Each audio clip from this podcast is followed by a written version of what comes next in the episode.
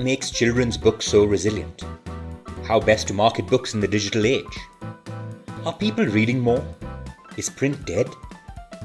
Welcome to Publishing Perspectives by Roli Books, a 12 part series on the publishing industry, which answers all these questions and much more. Over the next 12 weeks, we bring you the best publishing minds from across the world to share their expertise and experience. Episode 12 Brave New World. Given the uncertainty of the current times, where is the publishing industry headed? Will there be a decline in popularity of book fairs? Will digital networking be the new normal? Today we have with us Bodur Al Qasimi, Vice President of the International Publishers Association, the IPA, and founder and CEO of Sharjah based Kalimat Group. She is a global trailblazer and authority in the international publishing scene. Mahrukh Mohiuddin, Managing Director of University Press Limited, UPL, a 45 year old academic and scholarly publishing outfit in Bangladesh. Richard Nash, a coach, strategist, and serial entrepreneur in new and traditional media. He led partnerships and content at the cultural discovery startup Small Demons and the new media app Byliner and advised numerous startups in media, culture, and education. Previously, he ran independent publishers Soft Skull Press and Red Lemonade. And Dr. Nathan Hollier, publisher and CEO of Melbourne University Press, and a member of the Scholarly and Journals Committee of the Australian Publishers Association. He has been director of Monash University Publishing. The four of them will be in conversation with Arpita Das, who runs the New Delhi based independent publishing house Yoda Press. She is visiting faculty at Ashoka University and runs the Yoda Press workshop series for authors and editors. She writes regularly for digital platforms and periodicals on book culture, gender, and popular culture.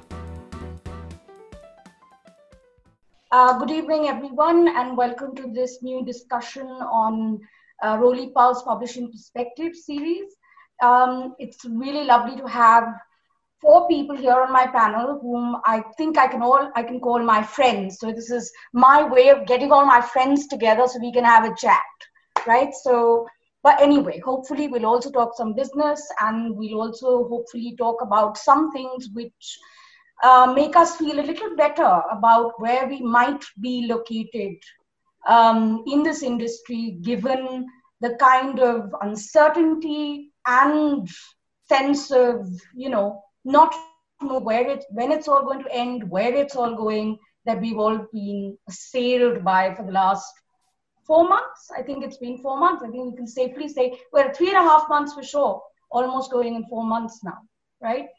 Um, I'm going to start with Bodur. Um, Bodur, uh, one of the things that we have all been discussing a lot uh, since March and one of the reasons being that that's, in a sense, how the crisis manifested itself uh, in our industry is that all the book fairs sort of, you know, shut down for the year, right?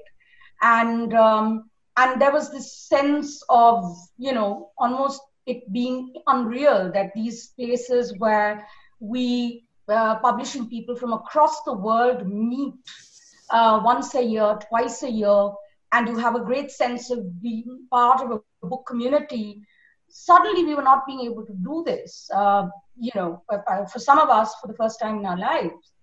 And um, with your, and this question to you is really um, uh, uh, pertaining to your role at uh, IPA.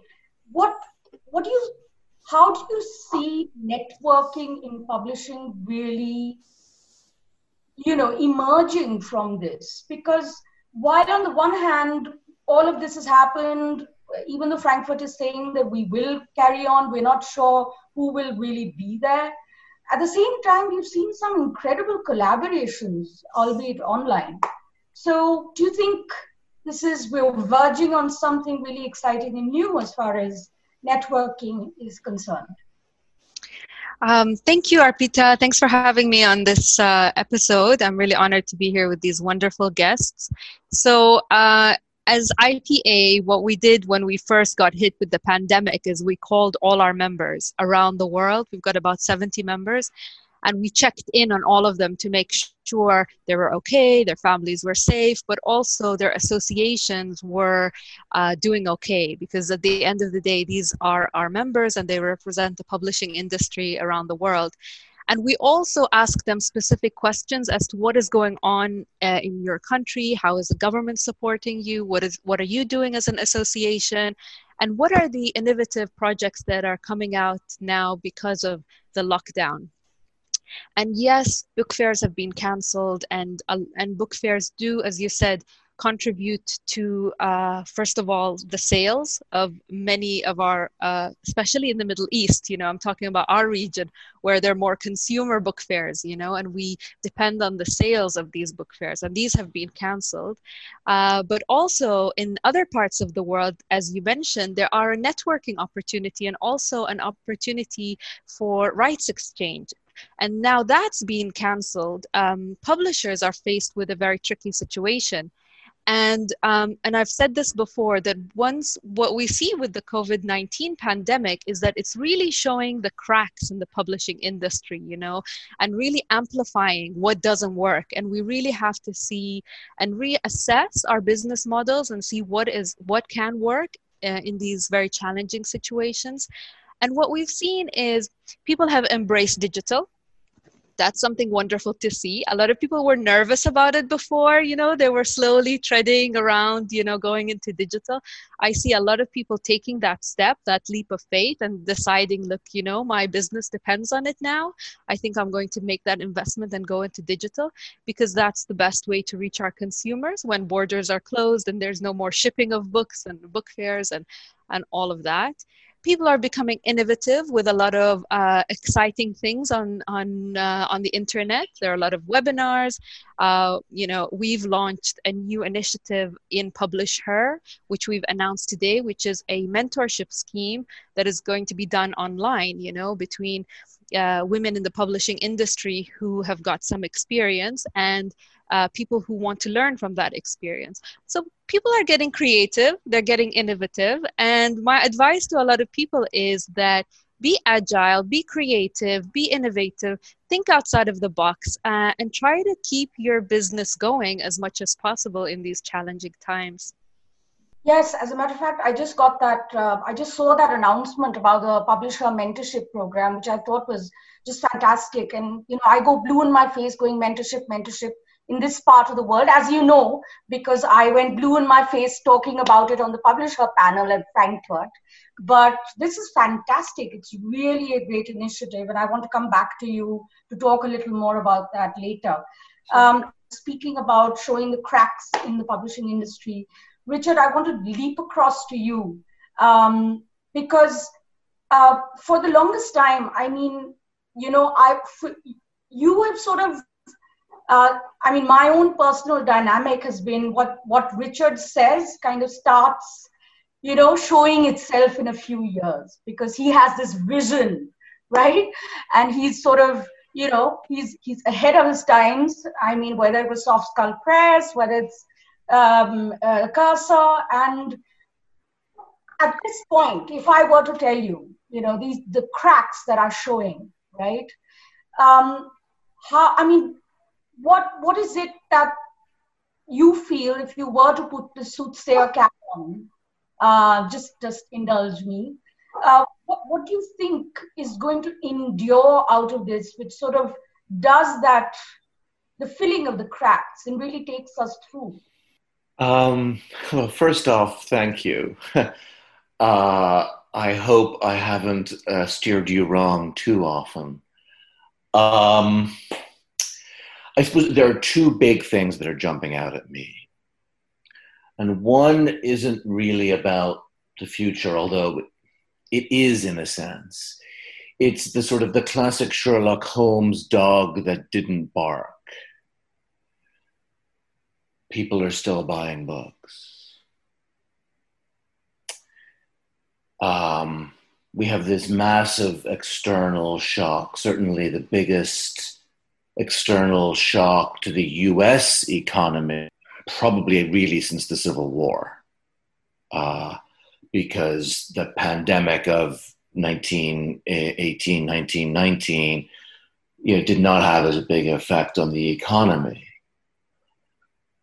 And people are still buying books, digital print. You know, it's that the book, it turns out, is somewhat closer to, it's not a meal, but it's somewhat closer to a hammer than it is to being a shirt. Not for every human, but for the population, for the percentage of the population uh, that was buying books, they are buying as many, if not more, books.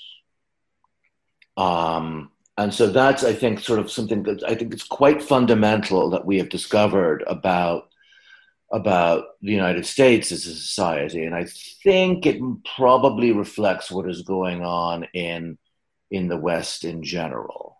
Uh, that uh, a book is more like a tool than it is a luxury. Uh, and that's something that I think we can rely on for another 50 or 100 years at least. The second thing I would say, and, and here um, I, I'd have to include the experience of what happened in the United States during the pandemic, uh, which is a pouring of outrage, finally, around systemic racism in the United States.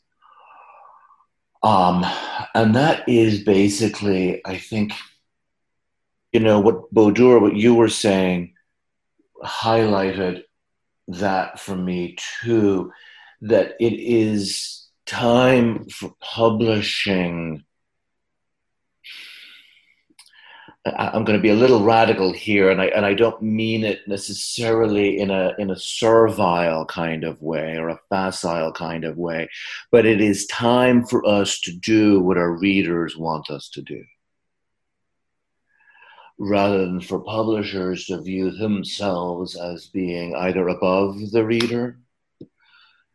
We know better than you. Read the books we have selected because we know better. Um, or in a kind of um, pearls before swine kind of way. Oh, these stupid people, they want their idiot romance books, or they want their idiot sort of books this, these idiot books that. And, and just realize that that that we um, we, we, we turns out we provide something that is essential to many people's lives and we need to listen to what people want as best we can, and then publish for those urgent cultural needs. And I think several things from the pandemic to Black Lives Matter have highlighted uh, how much that publishing needs to rapidly change in order to fill these intense needs in people's cultural, emotional, social, and political lives.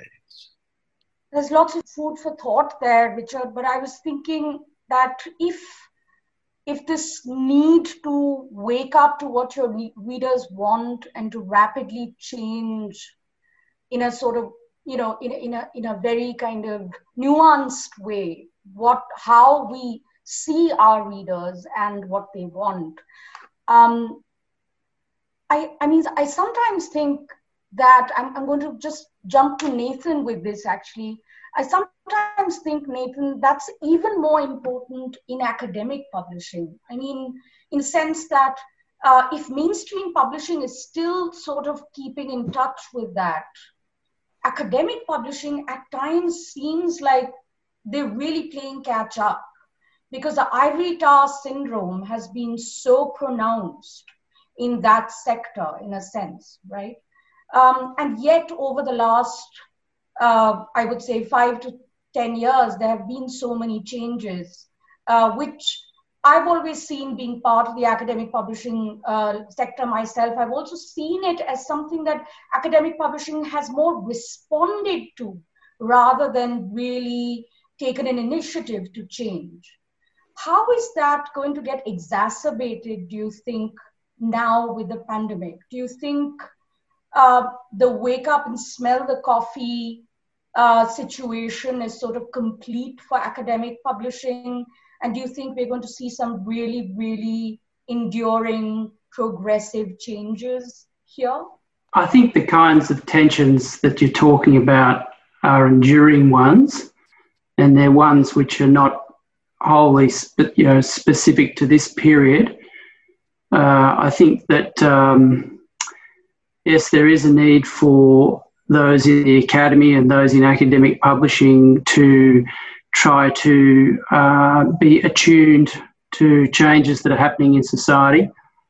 And uh, I think always there's a need to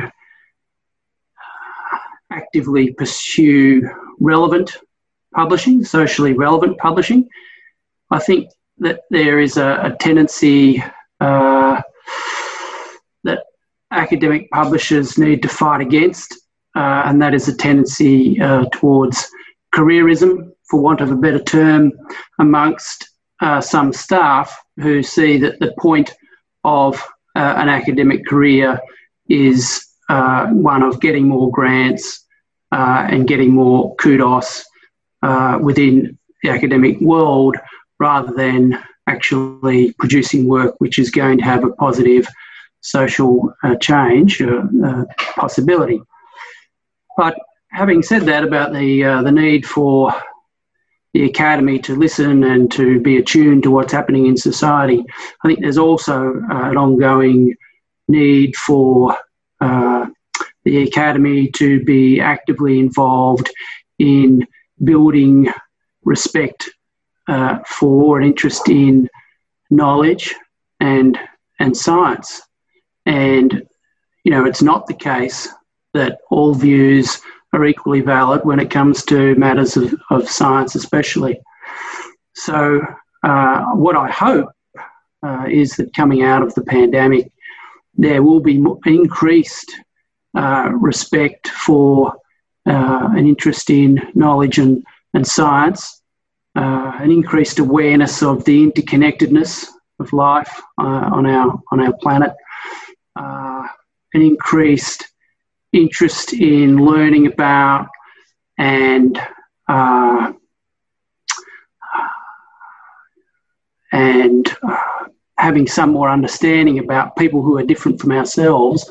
And those are all roles that uh, publishers and academic publishers, perhaps especially, can, can try to participate in. Of course, uh, the future isn't written, and we don't know exactly how things are going to pan out. And unfortunately, there's a lot of evidence that things are not going in that way. They're not going towards increased uh, respect for, for knowledge or interest in learning about other people. Uh, quite the opposite. Uh, there is, uh, as I say, evidence that there's increased intolerance, impatience, um, self assertion, uh, and general neuroticism. I think probably not too strong. The challenge is before us uh, as publishers to to uh, put the case for the value of what we're doing in those terms about uh, building a better society. But mm. yeah, uh, thanks, Nathan. I think that brings me perfectly to what I want to discuss with Mahrukh next, because what you're talking about has been so true of South Asia, uh, well, forever, I suppose, but particularly over the last few years. Um, you know, the publishers and authors, scholars, knowledge producers um, have felt the need more and more to sort of speak the truth in the face of um, a lot of political changes which have uh, left all of us feeling absolutely debilitated as a society. And um, the pandemic uh, coming in in the middle of that, in a lot of ways, um, we know about all kinds of sort of state policies at the moment which are not really in keeping with you know speaking the truth honestly uh, across south asia. But this important industry which was the business of uh, of putting the truth out there we have really not been able to publish anything for the last four months. I mean spring books have got pushed to autumn. Um, and and you know, uh, I just want to ask you, Mahrukh, how, I mean, keeping this bigger picture in mind where there is a real urgency, not just as a business, but as this knowledge industry that has to remain in force, as it were, which has to keep speaking the truth uh, and has to keep speaking, period. Um, you know, where do you where do you stand right now uh, with your publishing? Uh, what have been the challenges, particularly because you publish as much in Bangla as you do in English? Um, and Bangla, there's a huge diasporic life to Bangla, but it is still a local regional language, you know, uh, for the large part. Um, where do you stand right now? Where, what do you see as the big challenges? And also, are there any opportunities as well? Thank you. Thank you, Arpita. And this is really special for me also because I feel like I'm speaking to people who speak my mind as well. So uh, I, you know, I was I was agreeing to a lot of things that Nathan and Richard and and Bodur was was uh, uh, you know highlighting.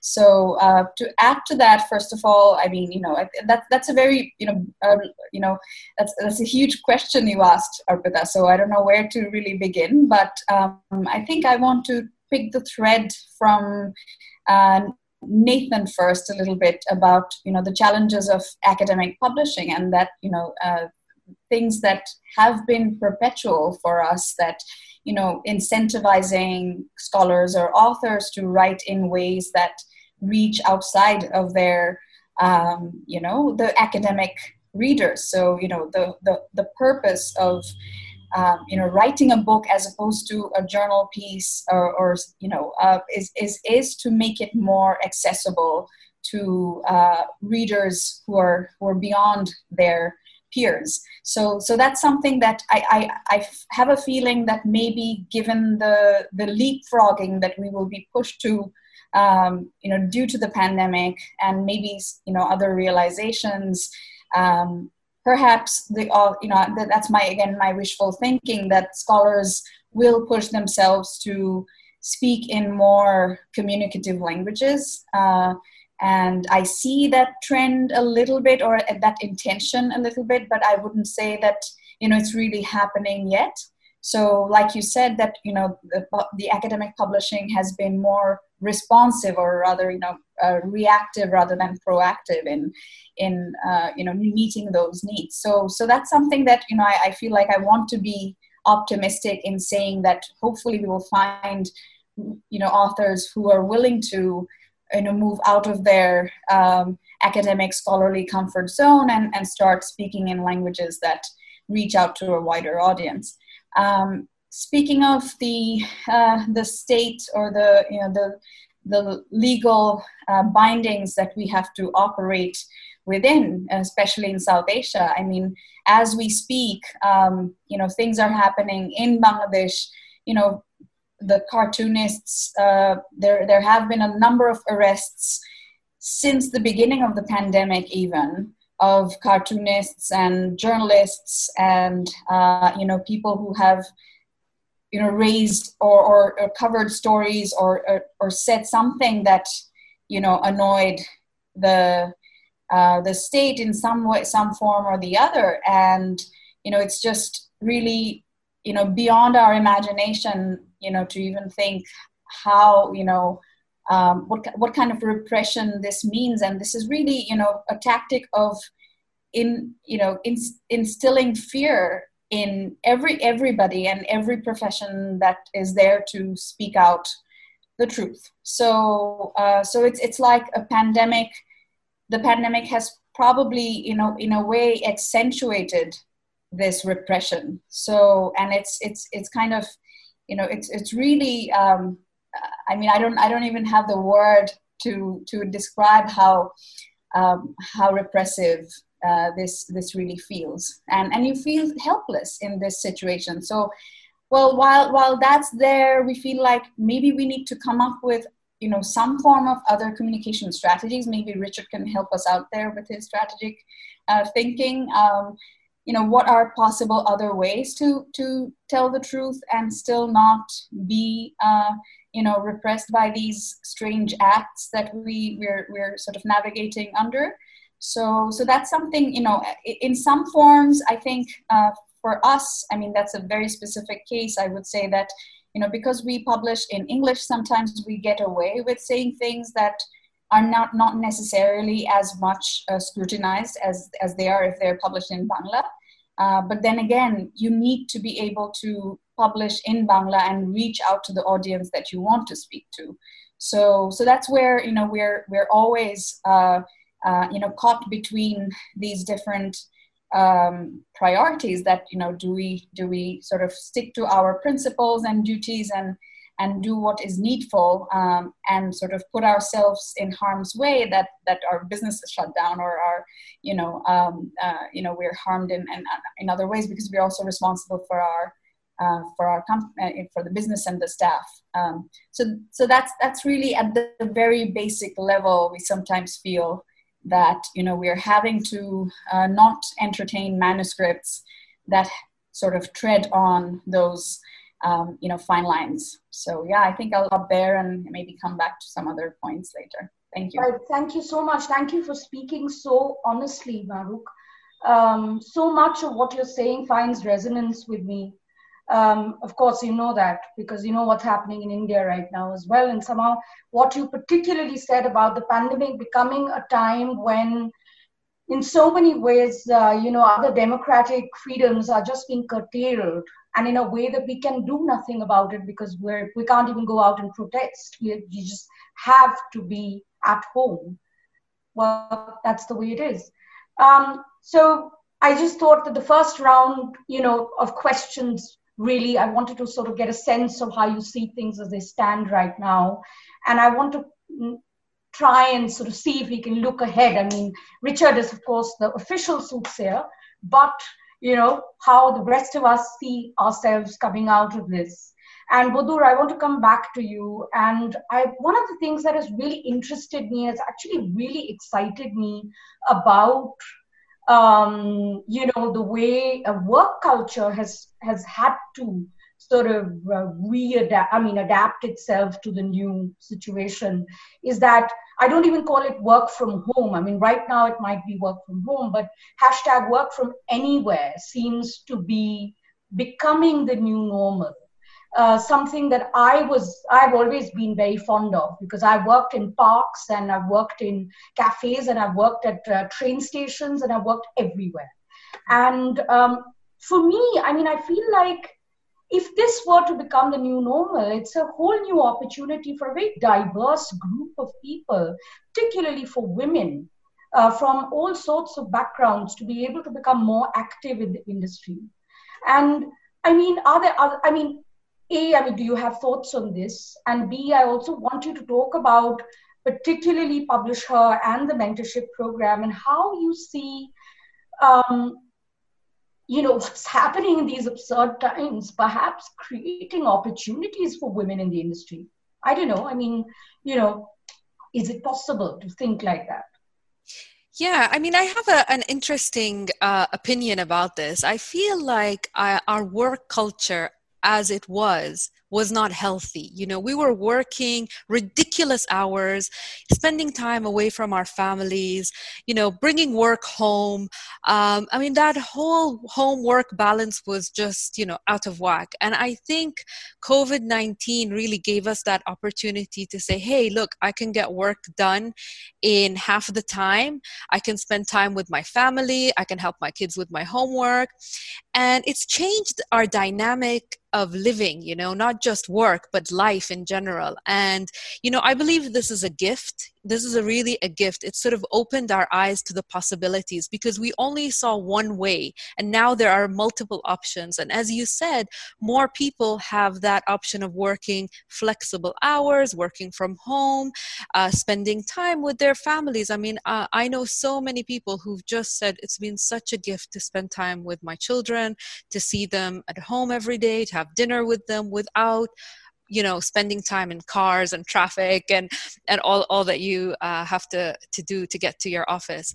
And uh, the other thing that's great is and I, I talk from my own perspective as well is that we've seen men change the way they interact with their families. Like for example men are also spending time at home helping you know with the, with the childcare helping uh, raise children doing their job you know the, what they're supposed to do as fathers you know and and that sort of like family life has finally been sort of like um, an equal distribution between both parents you know? And i, I talk again from my own experience it used to be quite uh, especially in the middle east you know? It, should, it would always go to the mother's uh, responsibility. And now we see that balance shifting a little bit and it's so refreshing you know? It's so great to have you know the father help uh, raise the kids as well help with the homework and it's given that us an opportunity to really reassess how we live our lives. And i think you know we were heading for like you know uh, a very um, you know high hospital bills from the stress. We were heading uh, towards uh, you know uh, living in very polluted uh, cities and all of that needs to change you know and i think we're being at home we sort of appreciate everything now. We appreciate you know the little things going to the park like you said. I mean that in itself is a gift. So for me i believe it's been you know an eye-opening experience. Uh, in terms of PublisHer i'll just give a quick overview of, of PublisHer. So i set up PublisHer which is a networking platform for women in publishing really to address the lack of leadership uh, female leadership in publishing houses. And I faced that entering IPA about 10 years ago. So I was one of very few women who was in that space, and especially being from the Middle East, you know, was even you know more of a, a rare uh, you know appearance i would say um, and i felt very out of place uh, at times. I felt uh, you know very lonely at times and i felt like i didn't fit in. And i never saw people who looked like me you know in meetings and things like that. And i found that really strange. And um, and so uh, i i know there are a lot of women in publishing. I know that a lot of women are you know doing a lot of the creative work behind the scenes. But why aren't they getting to leadership positions? And that question really was sort of on my mind for a long time. And through PublisHer, we've uh, organized many events around the world, which you have attended with us, Arpita and we've sort of brought women together to discuss what are the roadblocks really in women's careers? Why can't they get to this leadership position? And we've also offered uh, uh, offered networking opportunities for women. So we through our events we ask women to support each other introduce uh, you know each other to their networks and really open doors for each other. Another thing that we've recently launched is a set of guidelines for workplaces on how to make it more gender balanced and more uh, equal for women in that workplace There are a lot of biases out there that we're perhaps not aware of. So if anybody is interested, just go to womeninpublishing.org and you'll be able to download it for free and use it in your organization. Uh, we've also recently launched a mentorship scheme where our board members, as well as some influential women in publishing, have offered one hour of their time to mentor a young woman uh, in the publishing industry. And we're also uh, uh thinking about doing something called reverse mentorship. So bringing in young women to also mentor people who are sort of stuck in their careers, you know, and they need a little bit of, um, you know, creativity, a little bit of a push there. So we're also going to be working on that soon. And we're launching a series of interviews called Unmasked. And that's going to be on our Facebook group as well as on our uh, channels. And you'll find it on our website. And that will be sort of like candid interviews with women in publishing from around the world. And we're starting with Africa. So we've got three interviews done from uh, publishers in Africa that we'll be sharing very soon. So check out uh, PublisHer Events. That's our um, handle on Twitter, Facebook, and LinkedIn. And our website is womeninpublishing.org. Right. Thanks. That sounds really exciting, Bodur. I really hope to catch a lot of this. Uh, and I think PublisHer has just emerged as a fantastic platform, really, really making a lot of us women feel that, you know, we can find mentors and friends right across the world, which is wonderful. Um, I want to move to Nathan next. Uh, Nathan, carrying on with this sort of sense of hope and optimism that Bodur has injected into the conversation. I know that from our prior exchange, I know that you, it's very important to you, it's very vital to you to also talk about how this, this, this moment can really be a very important opportunity as well, um, in a very profound way. Will you tell us what that is? Well, I, th- I think that, uh, you know, the pandemic has changed the world in really profound ways. I mean, I'm hoping that there'll be a vaccine sooner rather than later. Uh, but uh, people are thinking, asking questions about what is going to come after it. And I think that uh, for for publishers, there is an opportunity to link uh, what we do we'll talk about the links between what we do and the type of society that we want to have. And again, I come back to those points about having increased respect for knowledge and science, uh, increased interest in uh, understanding people who are different from ourselves and learning more about them. And finally, uh, reflecting even on uh, the fact that the, the things in life that are ultimately uh, most important are those which are enrich us intellectually and uh, emotionally rather than those things which uh, just enrich us mentally. I think that uh, books as this product which um, can be an important part of uh, of those changes in in our society um, so the challenge for us as publishers is to convey that message, and of course we can do that more effectively when we uh, cooperate uh, in in putting that message forward. Yes, absolutely, Nathan. I think I mean I, I keep thinking that we need to have more discussions where we really talk about the vital role that publishing as a knowledge industry can play in making in, in, in sort of making these changes really meaningful and as um, as painful as they have been and they can be even in the future mm. shine a light of some sort and mm. i want i want to come to you from that to ask is there something we're missing in that we are not talking about? Keeping in mind what nathan just said and you know keeping in mind the fact that very often we we seem to sort of lose perspective on uh, either the wider picture and we go too close to the problem or then we forget about the finer nuances. Is there something you think we're missing when we're talking about all this in the industry it's funny i was thinking as um, especially as Bodur was speaking but as almost everybody here was speaking i kept thinking i want to talk less and i want to listen more the world needs fewer white men pontificating. And I don't mean that just in the narrow sense of a, a, a global sort of post colonial anti imperialist shift or in the Black Lives Matter sense, but I think also in a sense that um, uh, also related to what Bodur was saying, the existence of mentorship and reverse mentorship in all its possible ways.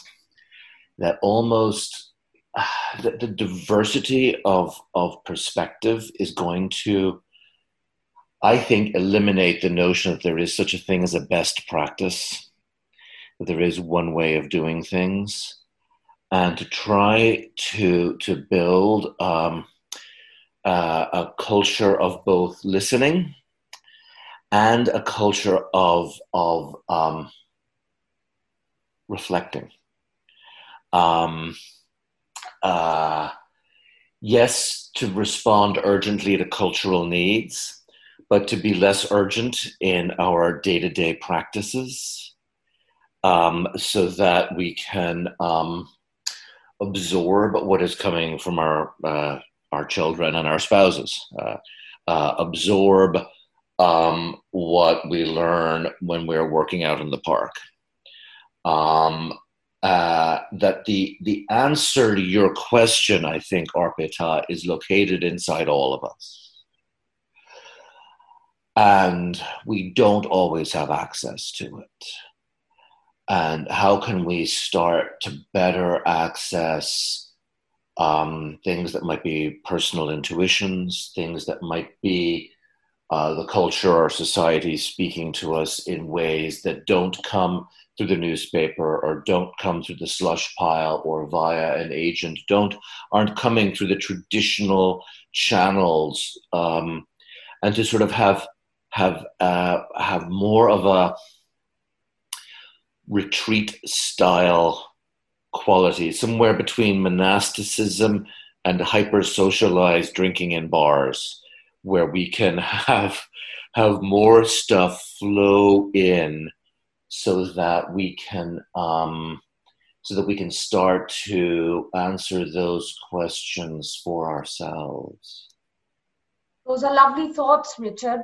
Really lovely thoughts. Looking within because we've been forced to in a sense isn't it? I mean i was reading some prison biographies by the way the other day and back from the 1920s and 1930s and they were talking about how you know they had to look within because there was no other option. And of course despite us having wi-fi and zoom calls and everything else netflix we have all been forced to look within in a way that perhaps we haven't i haven't done in before in my lifetime.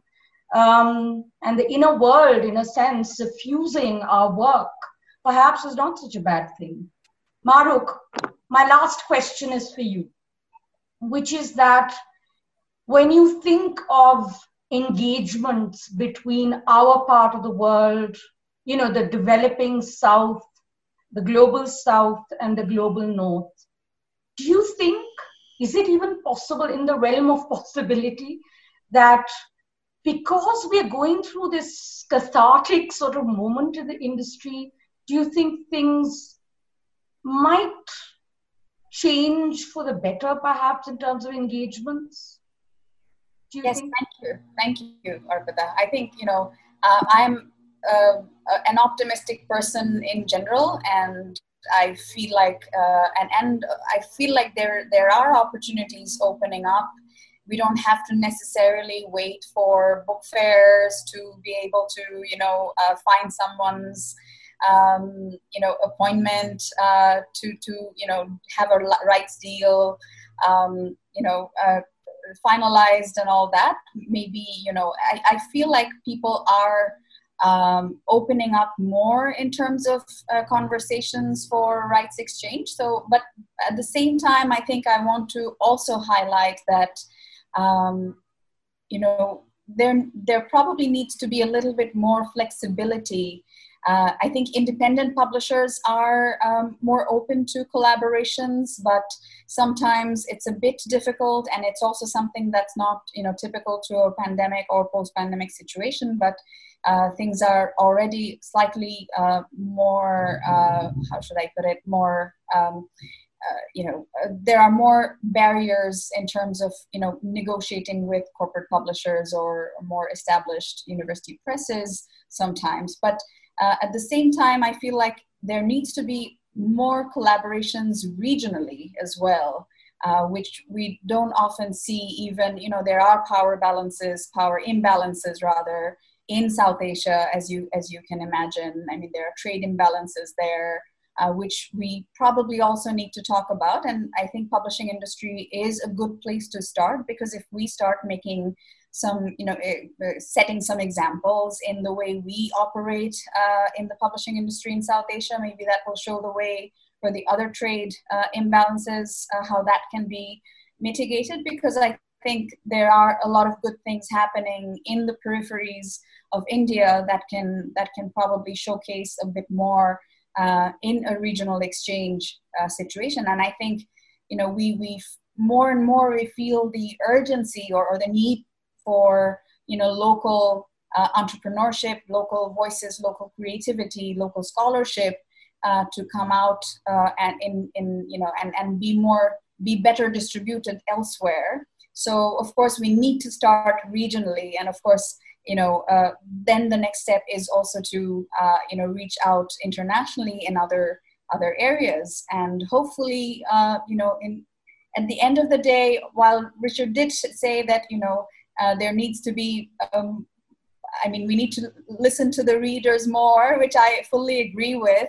But at the same time i think we need to do both richard. We need to also show the way to some degree but at the same time listen to the reader. So i mean uh, i think that's that's very important that you know what we think is is important for humanity while we're introspecting while we're reflecting uh, you know the insights that we that we generate from this uh, and we if we reach out more collaborate more um, in you know between south asia middle east uh, the west you know australia us uk everywhere um, i think we'll, we'll, we'll all gain uh, way more than than we i think i think it's it's it's given us a, a very good opportunity to uh, to sort of reflect and and take the next step forward from here.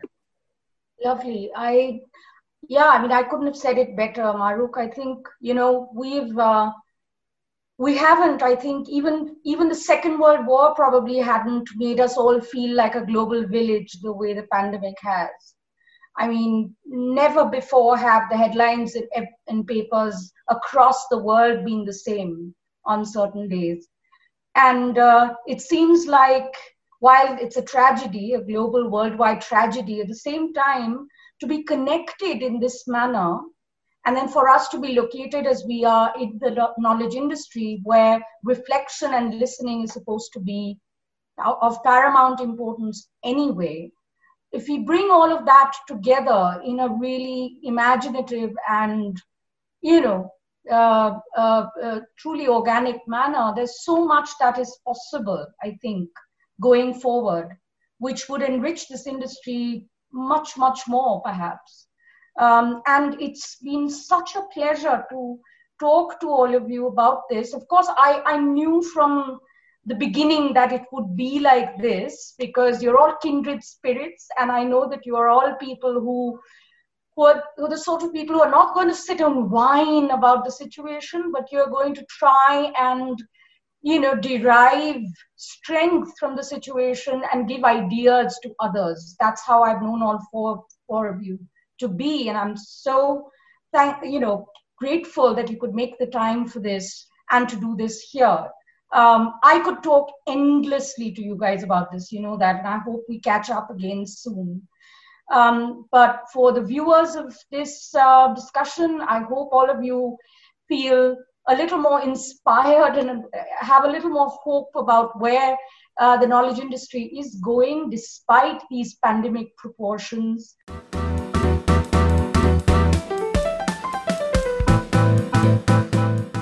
Thank you for listening. If you enjoyed this episode, subscribe to Publishing Perspectives. Follow Roli Books on Twitter, Facebook, and Instagram, and give us feedback. We would love to hear from you.